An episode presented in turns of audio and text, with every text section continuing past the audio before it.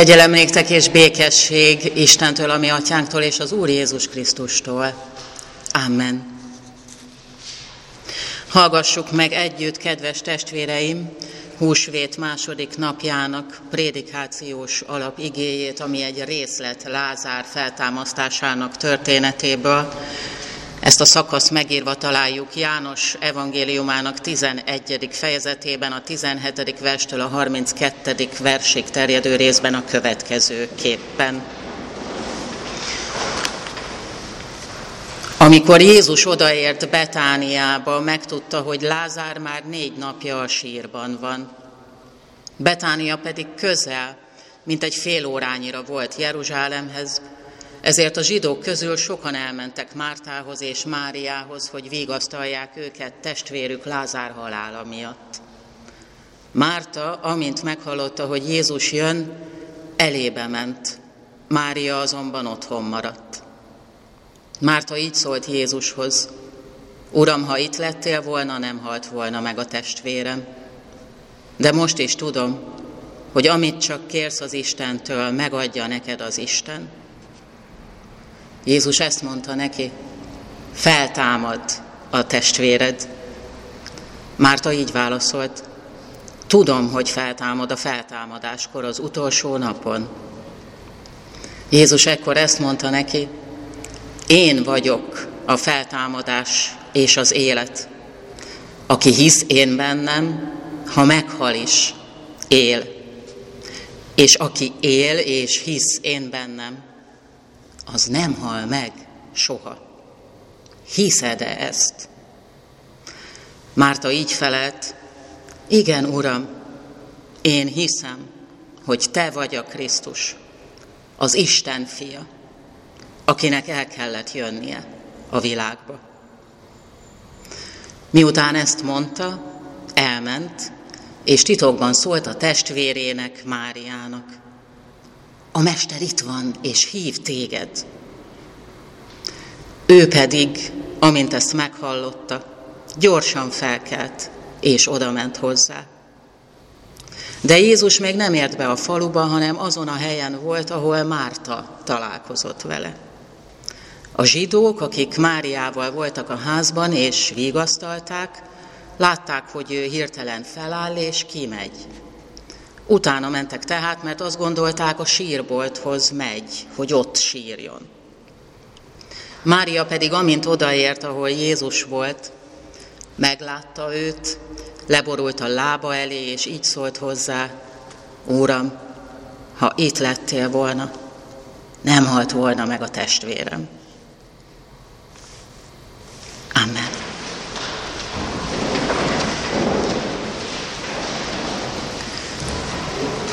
Kedves gyülekezet, szeretett testvéreim az Úr Jézus Krisztusban, gyászolók a szerettük halála miatt vigasztalásra szoruló nővérek állnak előttünk, állnak Jézus mellett ebben az alapigében. A testvérüket, Lázár, Sirató, Mária és Márta. Jézus többször megfordult a három testvér betániai otthonában, hiszen Jézus jó barátai voltak ők. Egyes teológusok szerint a későbbi egyház élető, életének több fontos funkcióját is jelképező alakok voltak ők, ez a három testvér. Tudjuk, hogy a Jézus lábához telepedő Mária volt az, aki egy későbbi, már Lázár feltámasztását követő újabb vacsora során megkente Jézus lábát nagyértékű, drága és illatos nárdus olajjal, Jézus halálára előremutatón. Az ő odaadó Jézusra figyelése, a gyülekezet ige hallgatását és az egyház Isten tiszteleti szolgálatát és életét, a mi életünket is, a mi Isten tiszteleti életünket is jelképezi. Mária láb balzsamozása, a méltó utolsó földi útra kísérés, a temetés egyházi szolgálatát is jelképezi. Az elhunytak testének bebalzsamozása része volt a sírboltba helyezés, a temetés előkészületeinek. Mária megkente Jézus lábát, mert felismerte, hogy Jézus szó szerint a saját életét áldozta fel, tette kockára és áldozta fel akkor, amikor életre keltette az ő testvérét, Lázárt. Hiszen a nagy tanács tagjai Jeruzsálemben Lázár feltámasztásának a napjától fogva egyetértettek abban, hogy megölik Jézust. És ennek a híre a három testvérhez, Máriáékhoz is eljutott. Amikor Jézus a Jeruzsálemben megszületett nagy, tanáti, nagy tanácsi döntés után újra vacsorára ment tehát hozzájuk Betániába, ami Jeruzsálemtől hallottuk az igében, fél órányira Jézus kivégzésének a helyszínétől mindössze három kilométerre volt. Amikor Mária ezt tette, az azt is elárulta Mária számára, amikor Jézus elment hozzájuk, az azt is elárulta Mária számára, hogy Jézus már készül arra, hogy hamarosan elfogják és keresztre feszítik őt. Mária Jézus lábára öntött sok és drága nárdusolaj az isteni önajándékozás tékozló nagyvonalúságát is jelképezi.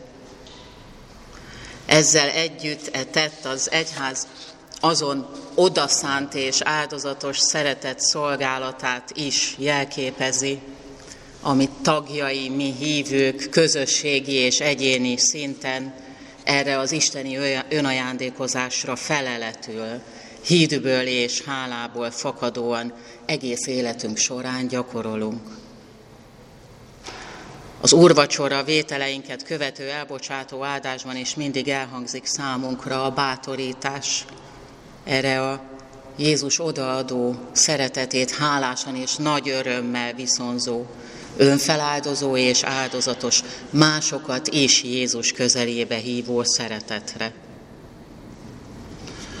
A diakóniai segítő szolgálat jelképévé vált Mária, Márta volt az, aki Jézus egy korábbi látogatásakor ki se látott a nagy vendégszeretete feladataiból, és még Jézusnak is kifejezte abbéli nem tetszését, hogy az ő testvére Mária nem segít neki az asztal körüli felszolgálásban, hanem csak Jézus szavait issza az ő lábainál térdelve nagy áhítattal. Mostani történetünkben ebben a szakaszban ő, Márta, pedig akkor még Lázár a sírban volt, és ő pedig ezért még nagyon frissen sajgó gyászban élt. Ő ismerte föl azt, hogy az, amit Jézus mond neki, az nem csak egy szöveg. Hogy Jézus a feltámadás és az élet. És aki hisz benne, az ha meghal is él. És aki él és hisz benne, az nem hal meg soha. Márta akkor ott megértette, és hitte ezt még mielőtt Lázár kijött a sírból és a hitéről vallást is tett az Uram, én hiszem, hogy Te vagy a Krisztus az Isten fia, akinek el kell jönnie a világba szavakkal. És aztán mit csinált? Fogta magát és gyorsan elvitte testvérének az otthonában, a gyászába temetkezett Máriának is az őt hitre segítő hírt, hogy a Mester itt van, és hív téged. Bojki János teológus nagyszerűen megfogalmazta Jézus és Márta e párbeszédének a lényegét, ami az, hogy egy ember életébe nagyobb fordulatot hoz az, amikor a hitetlenségből hitre jutva Jézussal az élettel jut élő és örök beszélgető kapcsolatba, mint akár a halál vagy a testi feltámadás. Ez nagyobb fordulatot hoz az ember életébe. Az örök, élő, beszélgető kapcsolatba jutás az Úr Jézussal. Ennek nyomán az pedig már Cserháti Sándor professzor hangsúlyozza számunkra, hogy a szomorúságunk, a gyászunk, a betegségünk, az elmúlással kapcsolatos mély zsigeri félelmeink idején fontos, hogy maradjunk mindig készek, mi is, erre a Jézussal folytatott párbeszédre.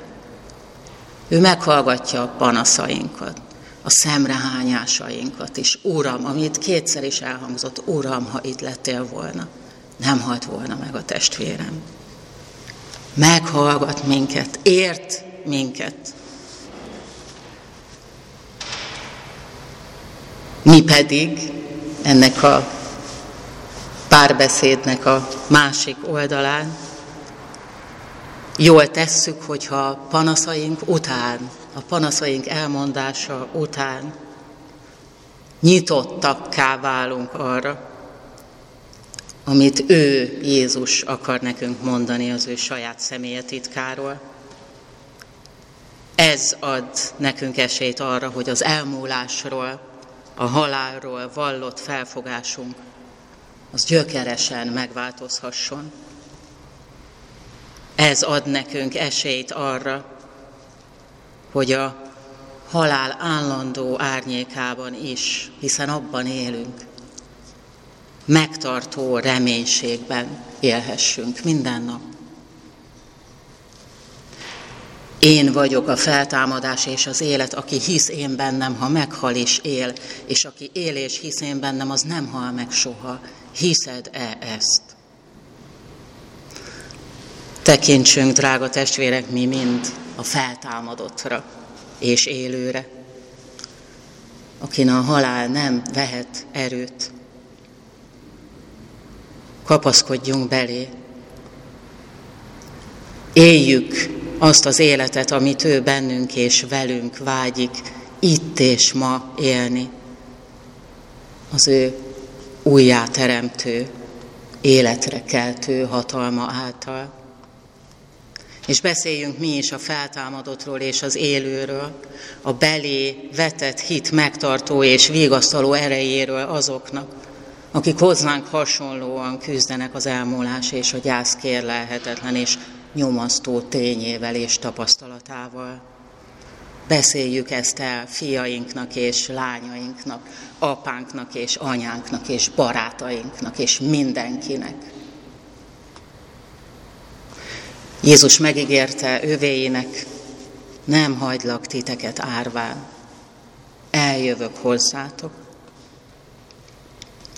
Az ő feltámadása óta ezt az ő velünk létét nem korlátozza már sem a tér, sem az idő. Jézus jelenléte, Jézus velünk léte, életünk minden Jézusba vetett hittel élt napján, a gyászunkban, a saját sírunk partján, és azon túl is érvényes ígéret számunkra. Ő a feltámadás és az élet. Aki hisz benne, ha meghal is, élni fog. Nem halhat meg örökre az. Nem a halál a végső valóság annak az embernek a számára, akiben az örök élet él. Akart hinni ezt, és mond másoknak is, amit Márta Máriának, hogy a Mester itt van, és hív téged is.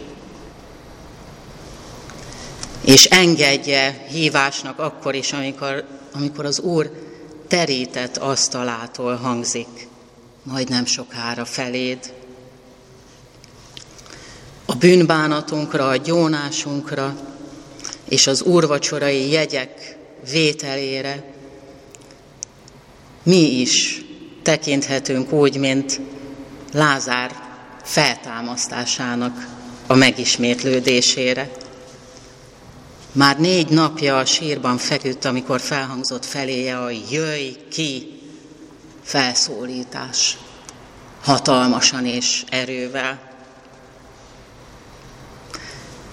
És az életnek a halál ott akkor valóban engedett. Lázár kilépett a sírból. Így lett ő, Lázár, szavak nélkül. Így tett ő, Lázár, szavak nélkül, a puszta létével bizonyságot arról, hogy Jézus a feltámadás és az élet. Feltámadásának visszakapott új életének a híre sokakat vezetett és segített el a Jézusba vetett hitre. Ő, Lázár, a maga szótlanságában, csak azzal, hogy él újra. Ennek a hitre jutásnak, mások hitre segítésének a jelképe az egyházban. Lépjünk ki mi is lelki sírjainkból, a minket rabságban tartó bűneinkből, kicsi lelki meghalásainkból, az élő Úrnak erre a hatalmas jöjj ki hívásának engedve, és támadjunk fel új, hídben járó, hálás, áldozatosan szerető, önként, szabadon, engedelmes életre. Imádkozzunk Ordas Lajos szavaival. Uram, Te Úr vagy a halál fölött, ezt én hittel vallom. Reménységgel tekintek halálom napja felé is, mert haló porom fölött engem is néven szólítasz majd. De hitem engedelmességével ne hagyja végső időkig várnom. Már itt földi életemben tedd hitem ismertetőjelévé az engedelmességet. Nem csak a sír tarthatja fogva az embert, önző akaratom idegen utakra szólítgat, bűnöm megkötöz, kételkedések közel, közelségedből ki akarnak vonni engem. Te igéddel ugyan naponként magadhoz hívogatsz, de én nem mindig engedek szavadnak. Pedig számtalan ellenséged él ma is a világban. Ők az én engedetlenségemből a te erőtlenségedre következtetnek. Engedelmes hozzád térésem, hirdet, hirdesse ma is az embereknek a te életformáló hatalmadat. Amen. Most kérem, hogy énekeljük el együtt a 225-ös énekünk első kettő versét. A 225-ös ének első kettő versét. Thank you.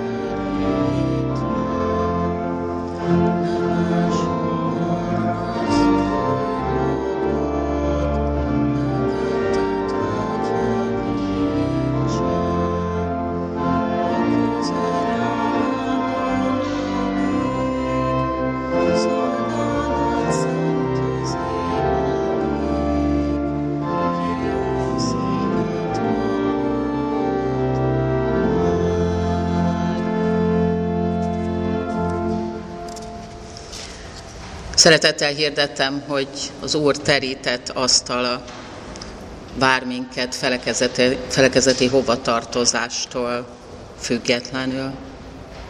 Jövő heti alkalmainkat hirdetem, szerdán 20-án 15 órától bibliaórát tartunk, és ezen a napon 20-án 18 órától egy Jánosi István estre is hívogatjuk a testvéreket, amelynek helyszíne az Eszterházi Péter és Gitta könyvtára. Egyház fenntartói járulék fizetésére is bátorítjuk a testvéreket, amelynek a megajánlott minimális összege 24 ezer forint, havonként 2000 forint ennek a befizetésére. Bátorítunk mindenkit, aki a szívén viseli ennek a gyülekezetnek a sorsát, nem állami vagy önkormányzati támogatás, hanem ez és az adományok segítik a mi templomunk, a mi épületeink működését és az azokban zajló szolgálatokat. Köszönjük, hogyha ezt megteszik. A tegnapi húsvét ünnepi istentisztelet adománya egyébként 81.050 forint volt. A kiáratnál a Luther kiadó legújabb és nagyon jó kiadványai megvásárolhatók, ahogyan a még most aktuális evangélikus élet magazin is. Isten békessége, amely minden értelmet meghalad, őrizze meg szíveteket és gondolataitokat az Úr Jézus Krisztusban. Amen.